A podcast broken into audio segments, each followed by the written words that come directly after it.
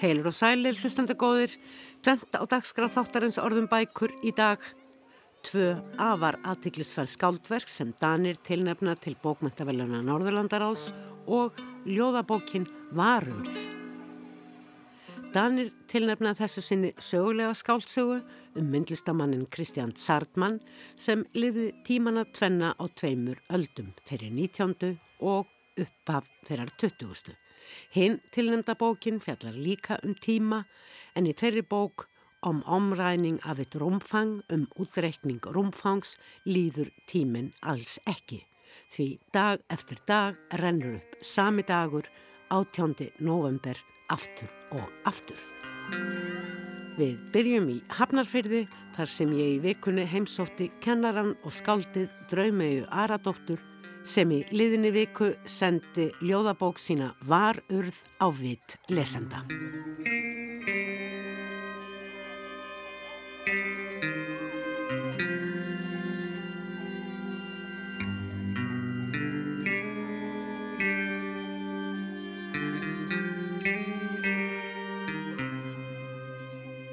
Nýlega kom út hjá bókaútgáfinni Sæmundi ljóðabókin Var urð eftir draumegu Aradóttur. Þetta er svört bók í eiginlegri merkingu, það er, hún er svört á litin, en umfjöldunarefnið er líka dögt. Þetta er bókum ofbeldið sem líkur djúft í fortíðinni, en er þó alltaf til staðar lífsleiðin á enda. Þetta er bók með erendi, ákall og kvartning til að horfast í augu við hlutina, góða og vonda í lífinu. Þetta er bók um mikilvægi þess að muna og um mikilvægi fyrirgefningar. Bók sem þrátt fyrir brótsjó endar vel.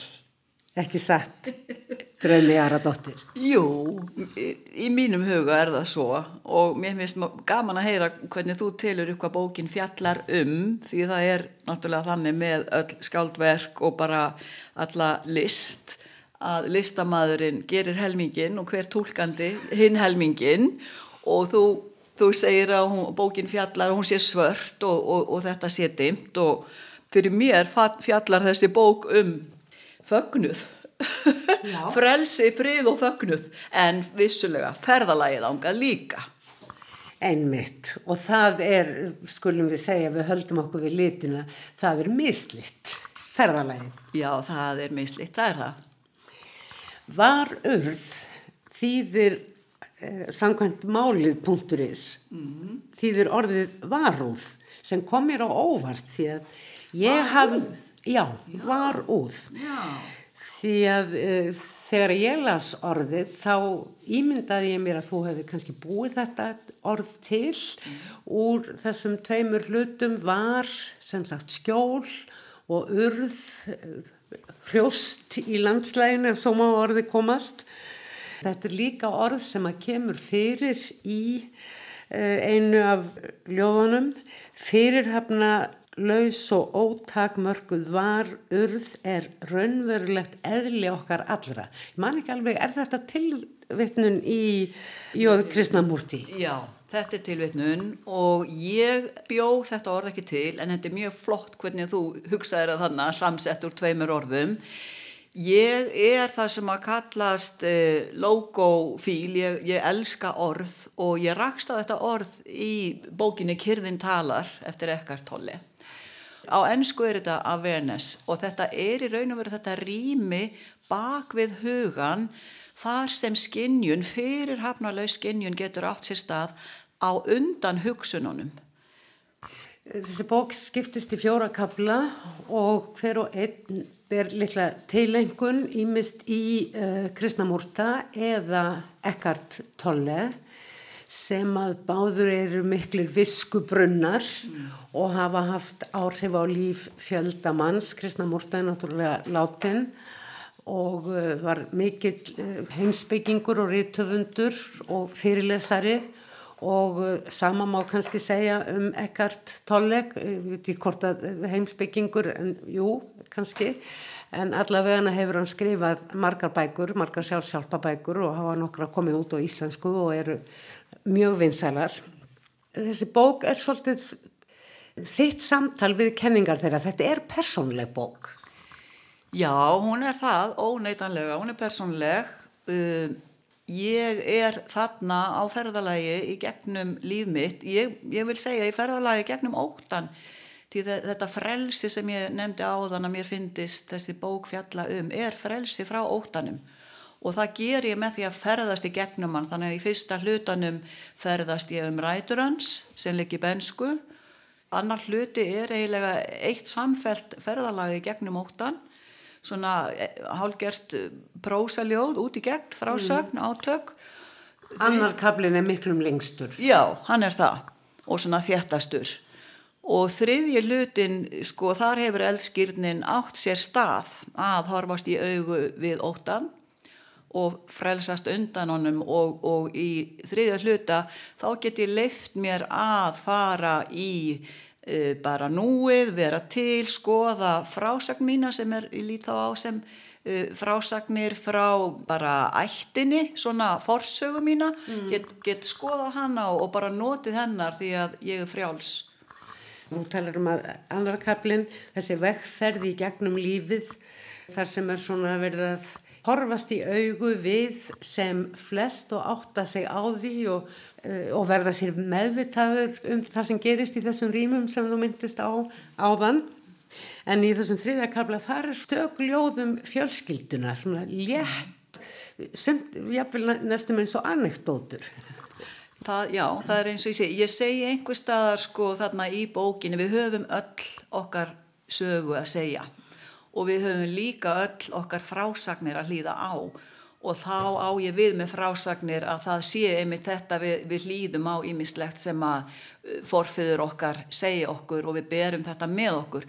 Að því við erum nú öll bara þræðir í þessum kaðli. Að þarna sjáum við kannski betur af hverju við erum eins og við erum. Mm. Þetta er allt einn kærleikskeðja. mm sem að eh, þarf að takast á við ímsu svörtu perlur. Já og gott að segja perlur því að ekkert er alvont og ég er líka algjörlega á því að allir foreldrar gera eins vel og þeir geta fyrir barnið sitt, svo er misið allt hvort það nægir eða ekki en þess vegna er líka svo gott að fyrirgefa, það, það meiðir enginn barnið sitt viljandi, þá er eitthvað að og þá getur maður hugsað á grundvelli þess get ég svo öðvöldlega fyrirgefið. Þetta er þriðja ljóðabókininn, þú hefur í gegnum tíðina byrst ljóð í tímaröldum og, og bjóst lengi svíðsjóð og þar komstu þér upp einhvers konar ljóðasamfélagi og gafst út eina bók uh, þar fimm vörður á leið ástarinnar, á vegi ástarinnar og hún kom út samtímis á sænsku, ekki satt. Jú. Voru þetta sænsk skáld sem að voru í slagtói við þið? Þið, þið gáðu líka út samiheilega bók. Já, það var ennannur bók, það er þá eiginlega fjörða ljóðabókin. Já. Við vorum svona alþjóðlegur skáldahópur sem kalluðum okkur bláa handklæðið og við svona heimsóttum hvert annað til skiptis í vikutíma hér og þar til að hafa bara vinnubúðir og við gáðum út eitt ljóðasafn saman mm. sem heitir Bláa hanglaðið.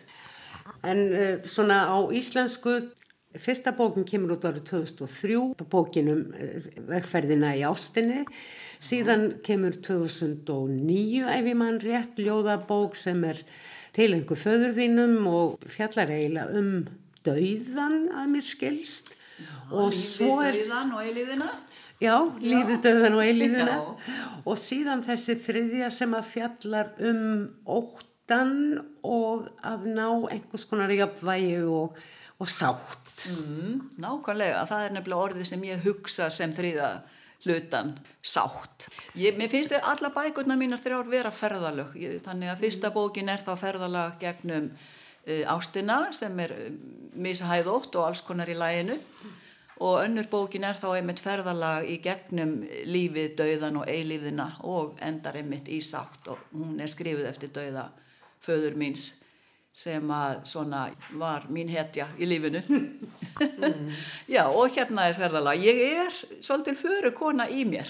Í skrifum ég vil ferðast en samtímis ég flytt rosalega oft fólk er að gefast upp á mér ég flytt næstum því álega en nú er ég hægt en innra með mér vil ég kyrð það er það sem veitir mig frið Ertu að yrkja þér til hugar hægðar eða ertu líka með einhvers konar viðmælandi í huga, eitthvað þegar þið langar til að koma áleiðis. Þetta eru stóri hlutir sem þú ert að fjalla um og, og það er gott að lesa þá. Ljóðin eru ekki flókin og þannig að þau, þau ná auðveldlega tilmanns. Við þurftum nú eiginlega bara að fara að heyra eitt ljóð áður mikið lengur haldið en, en svona fyrst þessi spurning um, um innri og ytri tilvist ljóðana. Já, sko ég skrifa af gleði. Ég skrifa ekki af því ég þarf að ferðast gegnum þessar hugsanir sjálf. Ég er búin að hugsa þær, ég er búin að fara í gegnum alla þessar hluti en mér langar til þess að klæða þetta í búning, skátlegan búning, þannig að fyrir mér er það gleði. Ég, ég titla mig gerna sem gleði konu líka í mínum skilningi. Mm. En jú, ég get alveg líka séð í þessari bóku og líka síðustu um lífið, döiðan og eilífina að ég vil ég gefa lesendum von það er allt hægt og við getum gert svo margt bara með viðhorfinu. Við sagðum við ættum að fara að heyra í bókinni. Eh, ég baði nú ekki sérstaklega um að velja ljóð en þau eru mörg. Hvað langar þið mest til að lesa? Sko ég var ekkert búin að hugsa þetta þannig að ég held að ég taki allavega ekki úr uh, öðrum hlutanum, þessum sem er ferðalagi langt ég held að hver lesandi verði að fá að fara í þá hættu för sjálfur í róli heitum. Það er sko förum frumskóa og grjóturðir, hella og holrými. Og það er aldrei gaman að hérna, ég hef raunar farið þá ytri för líka. Það var í frumskói upp í fjallgarði í Malasíu fyrir margt löngu. En... E, Já, eigum við ekki bara að taka hérna svona því að það var nú endur tekið eldgóðsum daginn ef ekki bara að hérna leifa því að ráða för. Þetta er ljóð sem heitir Eldgós. Í veröld barnsins eru engar viðvaranir, gular, appelsínugular eða rauðar. Engar almannavarnir, viðbraðs áætlanir eða flóttaleiðir. Aðeins myrkur gneisti álasandi augnaraðs, áður en eldurinn bríst út og hraun öldurnar vella, ein eftir aðra yfir gígbarminn, svíða og brenna, áður en þær loks storkna. Setlög af gjósku í hverri frumu líkamanns, þótt barnið sé laungu hægt að vera barn. Þetta er myndin af því hvernig atvik, áföll, líka gleði úr esku, bensku fylgir okkur út í gegnum lífið ekki satt. Jú, þau fylgja okkur því við getum ekki strókaðu út en við getum strókað út áhrif að mátt vera. Mér var hugsað til annars ljóðs um náttúru fyrir bæri líka sem ég fannst einstaklega svona skemmtilegt myndljóð og margrætt. Það er ljóðið skí á fótum. Bæði myndin sjálf af skíinu á blasiðinu og intakið. Já, viltu ég lesi það? Skí á fótum. Hugfangin fylgir hún stjórnlausu skíinu reyka stefnu laust um háloftin, rekast utan í hvað eina sem á vegi þess verður, steipast á höfuðið, reysa sig upp aftur, svífa áfram, vilja laust, ringlað skýið, speilmynd hennar sjálfrar í eldingaleik við eilífðina, en ekki reyðubúin að sleppa takinu. Er þetta landferðli svona bók sem er svona koncentreruð um ákveðið tema? Það er kannski ekki gott að segja hvenar eh, ferðli ljóðabókar hefst. Sko, já, hugrænaferðlið er náttúrulega miklu lengra því þetta er allt bara hluti af mér sem ég hef hugsað og farið í gegnum og unnið mig frá og lifir í mér á jákvæðan hátt en það gerðist hins vegar þegar ég flutti tilbaka til Hafnarfjörðar því ég er fætt hér og upp að linn flutti burt hérðan 20 og tilbaka 60, 40 árum síðar allt í einu uh, æftu rætunar á mig og ég fylgi alltaf óbi hjartans þannig að ég flutti. Og þá flutti ég íbúið með útsýni yfir höfnina og bara alla byggðina og hafið, ólgandi hafið, það vakti upp í mér allar minningarnar og þarna ákvaði bara að leifa því að íta við mér og tók ákvörðun.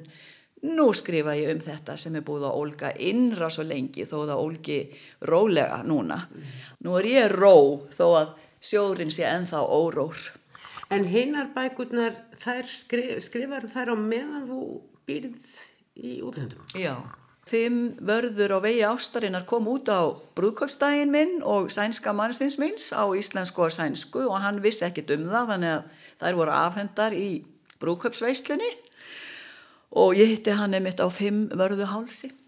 Síðar í bókin Draumlignir dagar, þar vísa ég til Draumlignra augnapappa minns Uh, hún kom út uh, ári eftir að hann lest og hún er skrifuð þarna á einu ári eftir að hann fjall frá þar sem ég er að fara í gegnum uh, kvíða, óttabeðamissan og síðan sorgina og söknuðinu út í friðin mm. í lokin.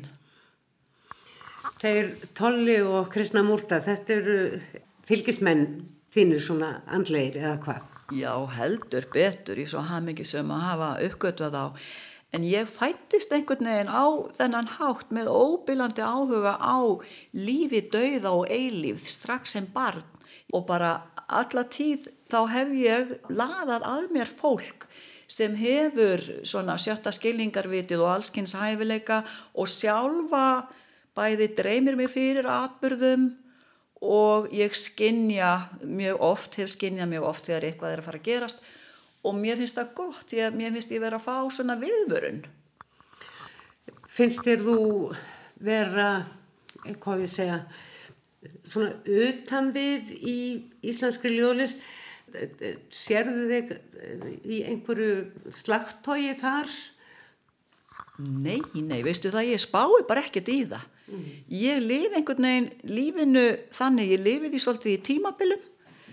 Ég skrifa ákveðin tímabil þegar ég finn þörfina og gleðina yfir að koma einhverju frá mér og önnur tímabil hef ég þörf fyrir að taka eitthvað nýtt inn og það getur verið allt mögulegt. Taka inn nýjar bækur, eh, nýja speki, einhverja, gera eitthvað alveg nýtt. Ég er ekkert að hérna, spá í hvað aðrir er að gera. Mm en ég auðvitað hrýfst af því líka það sem að mér hugnast. Höfundar sem hafa fylgtir íslenskir?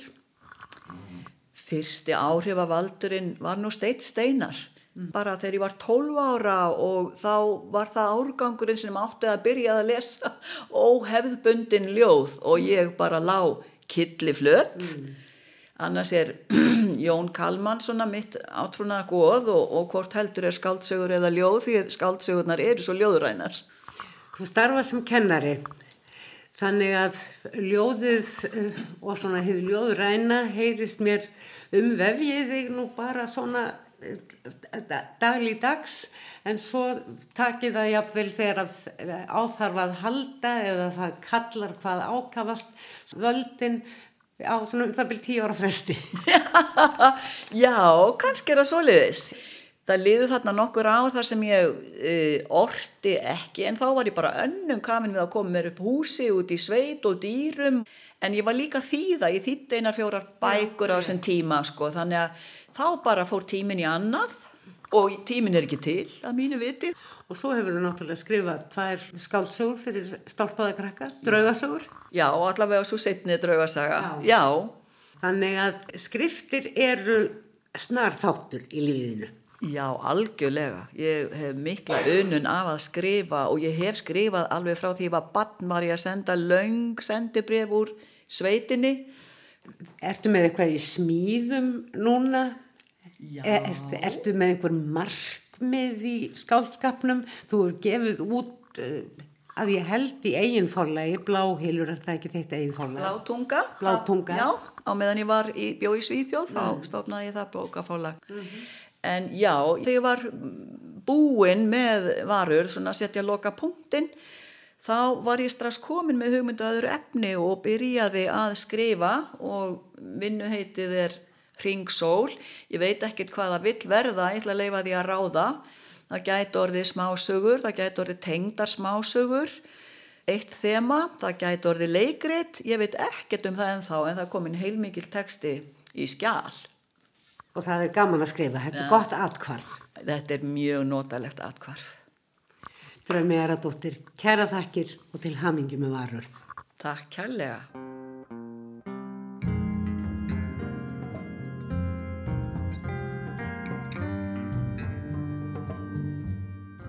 Þá skal framhaldið að kynna verkin 27 sem tilnemdi eru til bókmentavellunar Norðurlandaráðs. 14 til hérna gamalgrónu vellunar sem 30. oktober verða afhengt í 60. sinn og 13 verk til barna og ungmenna bókmentavellunar Norðurlandaráðs sem fyrst voru veitt árið 2013. Í síðasta þætti voru færesku tilnefningarnar á dagskrá, nú er komið að tilnefningum Dana sem kollegi minn á danska útvarpinu Tóri Læver þekkir vel til.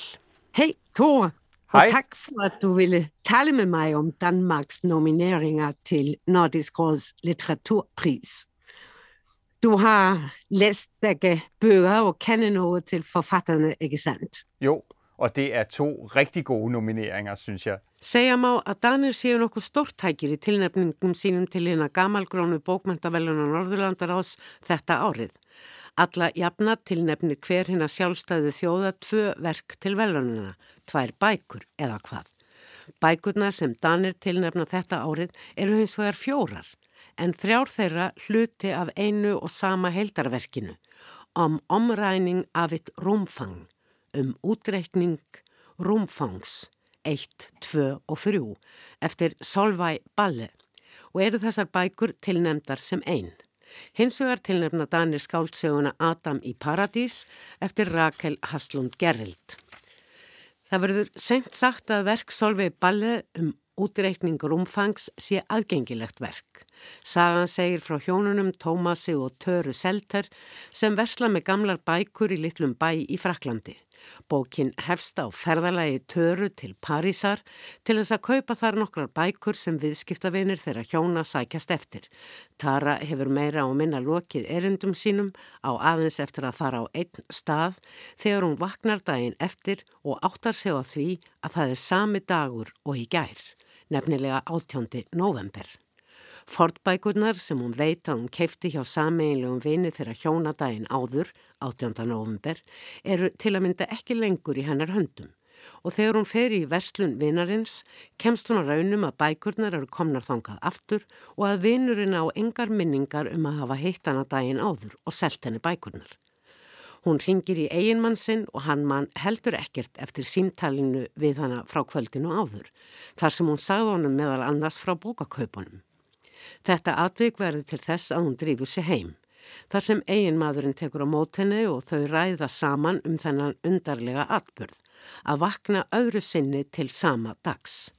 En viti menn, næsta dag þegar Tara vaknar við hlið mannsins er enn og aftur 18. november og eigin maðurinn er standandi bytt á því að hún skulu komin heim.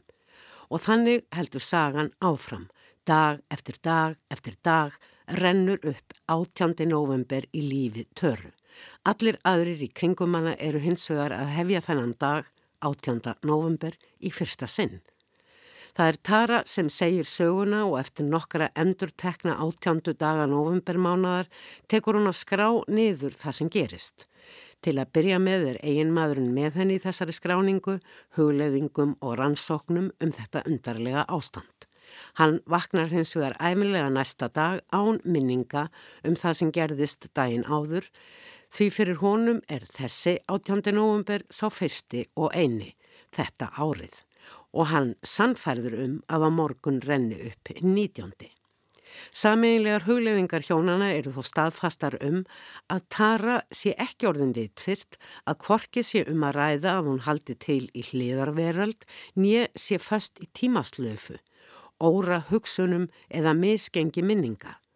Líklega sé hér einfaldlega staðfesting þess að væntingar okkar til staðfestu heimsins kvíli á ótryggum undirstöðum eins og segir í tekstanum. Að endingu lifa hjónin hvort í sinni tilveru. Tara upplifir hver dag sem endurtekningu átjóndadags november með eilitlum frávikum þó. Um Tómas veitum við minna og aðeins frá sjónarhóli Töru. Ég hef aðeins lesið fyrstu bókina af þeim þremur um útreikninga rúmfang sem út eru komnar, en allt í allt eiga bindin að verða sjö. Ég bað Tóre, Læfer, um að lýsa upplifun sinni af bókinni. Altså, da jeg begyndte at læse den, var jeg meget spændt på, hvordan det skulle kunne lade sig gøre at skrive så mange gange om den 18. november. Og jeg tænkte også, altså det kan da godt gå hen og blive kedeligt, men det mærkelige er, at den er næsten så spændende som en kriminalroman. Tóri saðist hafa verið nokkuð spenntur í byrjun hvort þetta er ekki frekar leiðigjart lesning. Sami dagur aftur og aftur. Svo var ekki. Það hafi verið þræl spennanda að komast á raunum hvað gerist næsta dag. Og da vi er oppe på næsten 2.000 gange, jeg tror 1892 gange har det været den 18. november, og, øh, og det er simpelthen bare utrolig spændende at følge, hvad der sker denne dag. Og þrátt fyrir endutekningarnar verður jú ákveðin þróun, segir Tófi í því hvernig Tara upplifir dagana eða öllu heldur daginn, þannig eina og sama aftur og aftur. Men der sker en udvikling, øh, og nu vil jeg ikke røbe alt for meget jo, men, men hun, i begyndelsen er hun meget alene om den her oplevelse med at sidde fast i den 18. november. Tara er vissulega oftast einn þótt hún hitti eiginmann sem og vini, segir Tóri, en fyrir þeim er dagurinn óskup venjulegur átjóndi november. Síðan kemur að því að hún hittir aðrar manneskjur sem líka eru fastar í átjónda november og þegar þriðjabindinu líkur er ljóstað eitthvað mikið á eftir að gerast í næstu fjórum bindum. Uh, nu skal der jo komme fire bind til, så jeg tror ikke man kan tale om nogen konklusion, Men, øh, men da tredje bind slutter, øh, fornemmer man, at der skal til at ske øh, noget væsentligt. Altså at, øh, at, at hun og, og nogle andre, hun har mødt, øh, er i gang med noget, der skal ske. Tara er upptekinn af hennu forna Rómaríki, fornmunum, fornum bókum og svo framvegs. Og það er auðvelt að draga hliðstæður á milli hnignunar og falls Rómaríkis og ástandsins í Evrópu núna. Er þetta kannski alls ekki saga um personlegt líf i tímasløfu, spyr ég Tóri. Heldur samfélagsleg dystopia? Det er et godt spørgsmål. Øh, på en måde er det, og på lidt andre måder end det, du øh, nævner der. Det er meget interessant med den her interesse for romeriet, for antikken, for historien. Øh, der er også en interesse for romerske mønter, Áhugaverð spurning segir Tóri en dystopían byrtist kannski ekki skýrast í áhuga töru á öllu sem við kemur Rómaríki, fallið þess og upplausn Evrópu í kjölfærið. Töru verður nefnilega ljóst að það sem hún tekur, hvort heldur vörur úr hillu stórmarkaðar sem hún kaupir eða grænkálið sem hún tekur upp úr gardinum, þá kemur ekkert í staðin. Og er það ekki einmitt það sem við ástundum núna, segir Tóri. Við neytum alls í kringum okkur, tökum til okkar af heiminum án þess að gefa tilbaka. Í því fælst að mínum að þetta dystopiski strengur søgunar. Altså vi, der lever lige nu her, vi forbruger også øh, mere. Vi fortærer verden omkring os. Vi er en slags rovdyr, der, der æder af verden, uden at give verden noget tilbage. Og det er også der, synes jeg, at dystopien ligger. Ég hef aðeins lesið fyrsta bindi sögunar og þótt hún, líkt og Tóri segir, sé mjög áhugaverð, þá gæti ég ekki hugsað mér að halda áfram með næsta bindi. Jeg þurfti að gera hlýja. Det ved jeg ikke, men jeg talte med en kollega om det tidligere i dag, og hun sagde, hun var meget begejstret for alle tre bind. Men hun sagde, at nogle af hendes venner havde en fornemmelse at det var en klátt. Tóri segist ekki vita hvort þetta væru algeng viðbröð, en skiljanleg. Auðvelt að fá innurlokuna kend í sífældri endurtekningunni sem virðist óumbreytanleg. Sjálfur hefði hann látið dragast inn í frásögnuna og væri nú ægi spenntur að sjá hvernig höfundurinn Solveig Balle finni fram til einhvers konar loka á sögunni. Dels af, hvad sker der mund for vores hovedperson? Hvad sker der for Tara Selter? Men jeg blev også nysgerrig over for, øh, hvordan klarer Solvej Balle det her? Hvordan kommer hun videre herfra? Í umfjöldunum bókin er sérstaklega tekið til tungumálsins. Tekstin sé hlustandi og Tóri tekur undir það. Der er meget lyd i øh, bogen. Tara kender jo efterhånden den 18. november ret godt. Hun ved, hvornår vandet løber i vandrørene. Hun ved, hvornår hendes Tekstin er fullur af hljóðum, segir Tóri. Því í gegnum endurtekningar dagana fekkir Tara nákvæmlega hljóð dagsins. Í náttúrunni, í vassrörunum, atöfnum eiginmannsins og svo framvegis. Í tungumálunni sjálfu er svo líka sterk hrinjandi. Musikalitet sem er einfallega undurfallegt. Hluti af því að lesa framúrskarandi skálskap, segir Tóri, er að finna hvernig tekstin gælir við mann. Øh, og det er jo en del af det at læse, er jo også at blive kærtegnet af en smuk skrift. Dagur 157. Það er létt að fá dagana til að líða. Þeir fljúa. Ég sakna en það er léttur söknuður. Ég þrái en það er létt þrá. Hver dagur er fullur á stöðut fleiri smáatröðum. Stöðut meira og meira fyrirsjánlegur. Mér líður og heima hjá mér. Ég á heima í fleiri og fleiri smáatröðum. Ég veit hvernig dagurinn hangir saman. Ég þekki hljóðin í honum og hlýðin millir hljóðana. Ég horfi á byrtuna að opna rýmið um leið og sólinn brýst fram. Þarna heyrist þittur í flugi sikksakandi svartrasta og dempað hljóð í bíl nokkru guttum fjær og síðar sömu hljóðin í annari röð. Byrtan, bíl, fuggl. Svo aftur síðar. Þittur í trjám, blómapottar í belgingsvindi, stuttlíi, bíl. Og síðar aftur blástur, blómapottar, landlíi, bíl. Áður en ég veit af er dagurinn liðinn. Solveig Balli hefur fengið mikið lof fyrir verksinn, þótt ekki sé höfundarverki stórt. Frá árunni 1986 hefur hún sendt frá sér sex bækur og þegar að fyrsta bindið af om, omræning af eitt rúmfang kom út árið 2020 voru liðin sjö ár frá útkomu þess síðasta og þótti þetta fyrsta bindi sæta miklum tíðindum. Í lýsingu dansku valnemdarinnar og bókinir er talað um meistaraverk eðuróskra samtíma bókmenta. Tóri tekur undir það. Bækurnar gerast viðsvegar í Evrópu, í Fraklandi, á Spáni og í Þískalandi og í þeim sögð afar mikilvæg saga um okkur sjálf hér og nú, segir Tóri. Fram úr skarandi kandidat til Norrannu bókmæntavellunar som ætti að þýða á all möguleg tungumál. Jeg synes, det her er meget stor øh, verdenslitteratur, europæisk litteratur, øh, som fortæller noget om os øh, alle sammen, og som er på et, et virkelig, virkelig højt øh, niveau. Og, øh, og det er jo et hovedværk, hun er i gang med her. Jeg synes helt klart, at hun er en fantastisk stærk kandidat til Nordisk Råds litteraturpris, og også til at blive oversat og udgivet i, på alle mulige sprog. Þar höfum við það. Hér gæti verið komin velunabókin. En snúum okkur að hinni bókinni sem Danir tilnefna, Adam í Paradís, eftir Rakel Haslund Jerild, söguleg skáltsaga um málaran Kristján Zartmann fættur um miðja 19. öld en lést 1917.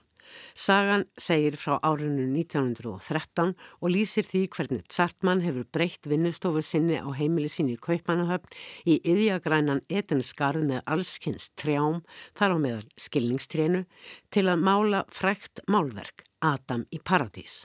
Hann hefur meira að segja fundið hinn fullkomna Adam til að sitja fyrir, ungan Hermann sem hann kynnist fyrir tilviljun og vil sá gjarnan vinna sér inn aukapenning. Málverkið sem þarna var til sínir fagur skapaðan nakin ungan mann í trjágarði þar sem erotík og listisemdir holdsins eru alls ráðandi. Litavalið er skrautlegt og óvænt sem einnig má segja um textahastlun Jerild, segir í textadönsku valnemdarinnar. Þetta er undurfögur listamannssaga, segir Tóre, skrifuð af listamanni orðana um myndlistamann. Det er en, øh, en meget smuk uh, kunstnerroman, skrevet af en kunstner. Tungumáli sem beittir til að segja söguna af listamannum Kristján Sartmann er mettuð af litum og myndum óheirilega sjónræð. Med et øh, meget visuelt sprog, der, der fortæller om, om kunstneren Christian Sartmann. Í dag er blásvört sæng heiminsins þung, fallegt þegar kvöldsólinn markar glóandi andstæðunar. Þaksteinar glóa í lit brennandi síena, mangan fjólublátt með umbragrænu ífavi, á tröppunum hljóma skellir í klaufum í sterkum misljóm frá ótiljandi geitum. Bög þeirra lýsa líkt á gull undir þrjumu sænginni. Ég fylgis með Pól á leið heim úr haganum. Hann heldur meterstóru léreftinu yfir höfði sér og þrýstir sér í gegnum órólegan geitahópin upp tröppurnar að portaflora þar sem við býðum hans með kvöldverðin. Brátt fellur regnið. Já, bókin Adam í Paradís gerist líka á Ítalíu þánga sem listamenn sóttu í byrjun 20. aldar. Það er rúmlega öll síðan Sartmann lést og í síningu á verkum hans fyrir fáinnum árum var sterklega í eða því að hann hefði verið samkynneigður sem á hans tíma varðaði við lög. Rakel Haslund Gerild tekur nortnaveiðar yfirvalda á hendur samkynneigðum til skoðunar í sögusinni enda til ótal söguleg dómskjul um sagfellingu framamann í samfélaginu fyrir samneiti við aðra karlmenn. Margir lendi í fangels eða flýður land vegna þessa. Sartmann var reyndar ekki hluti af þessum hópi, segir Tóri, og í bókinni er engu haldið fram um kynnið hans. Sartmann er som maler øh, ikke en del af det. Han er også mere sådan en, en iagttager. Sartmann fylgist með þessu öllu og því getur Rakel Haslund Gerrild flétta þessum málum inn í söguna sem er mikilvægt í ljósi umræðu og upplifunar fljótandi kynneigðar í dag og um það hvernig domstól götunar getur haft áhrif. Vores, øh, vores opdagelse af, af, af queer vinkler og, og andre vinkler på, på menneskelivet lige nu. Í eftirmála bókarinnar undistrykar Rakel Haslund Gerrild að Adam í Paradís sé ekki æfisaga Kristjáns Zartmann, heldur skáldsaga þar sem hún reyna að lifa sig inn í hugarheim listamann sem er farin að eldast. Það ferli hafi oft á tíðum verið erfitt. Rakel Haslund Gerrild har, har sagt noget om at det har været tærende at indoptage et andet menneskes øh, følelsesliv. Det har ikke altid været en fest at være den 70-årige Sartmann. Sartmann er komin á áttræðisaldur í sögunu og ellin segir til sín. Ungumennin í kringumann eru fullir hresti og horfa fram til nýra tíma. Hárið á honum sjálfum hins vegar þinnist elli blettur spretta fram og hann minnir helst á gamlan rostung og hann finnur að lífið er að líða hjá. Sådan lidt en uformelig gammel valros. Uh, han er en gammel mand, der ser ungdommen og, og, og, ungdommens mod og ungdommens skabertrang glide ham af hende. Sannarlega er þessi bók óður til listarinnar, til fegurðarinnar og um það hversu erfitt er að ná tangarhaldi á fegurðinni, segir Tóri. Ja, det synes jeg godt, man kan sige. En ode til kunsten, en ode til skønheden, øh, og hvor svært det er at, at gribe skønheden og få fat på skønheden.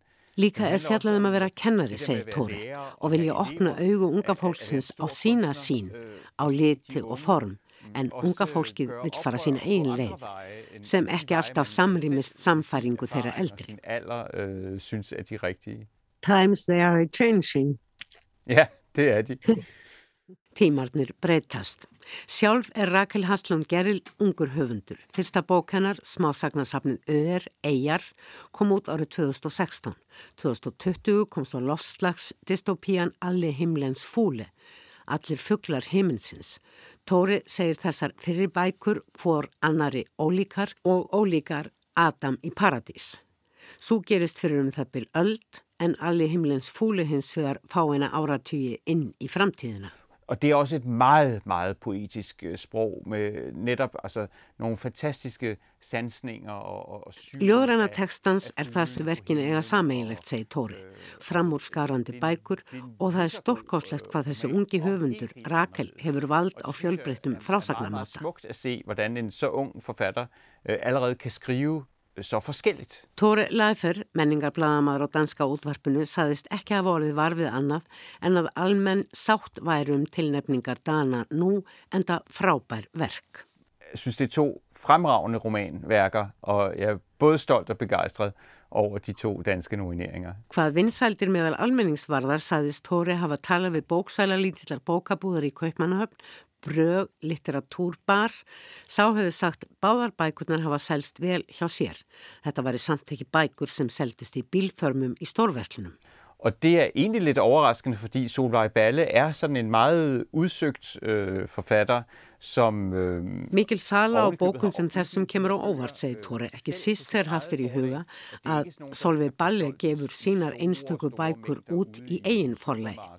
Bók Rakelar er kannski vinsætli, líklega þegar komið þriðja upplag að henni, auk þar sem þýðingar eru í uppsiklingu í mörgum löndum. Måske det tredje oplag nu, og, og sælger vældig godt, og udenlandske forlæggere er faktisk øh, også vældig interesseret i den, øh, har jeg hørt. Så det kan være, at den har en, en god vej ud i verden. Að lokum spurði ég Tóri um almennan áhuga í Danmörku á bókunni sem tilnemdar eru til bókmæntaveluna Norðurlandaráðs. Det er nok en lille kreds, der interesserer sig for Nordisk Råds litteraturpris.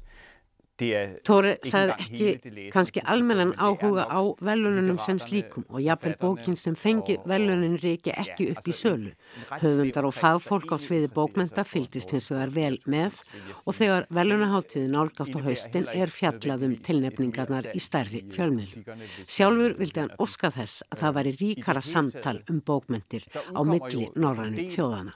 Men jeg synes ikke Danmark orienterer sig nok mod øh, det nordiske sprogområde. Øh, jeg kunne godt ønske mig, at vi havde en, et mere frugtbart øh, sammenhold, samvær, samliv de nordiske ja. landes litteratur imellem.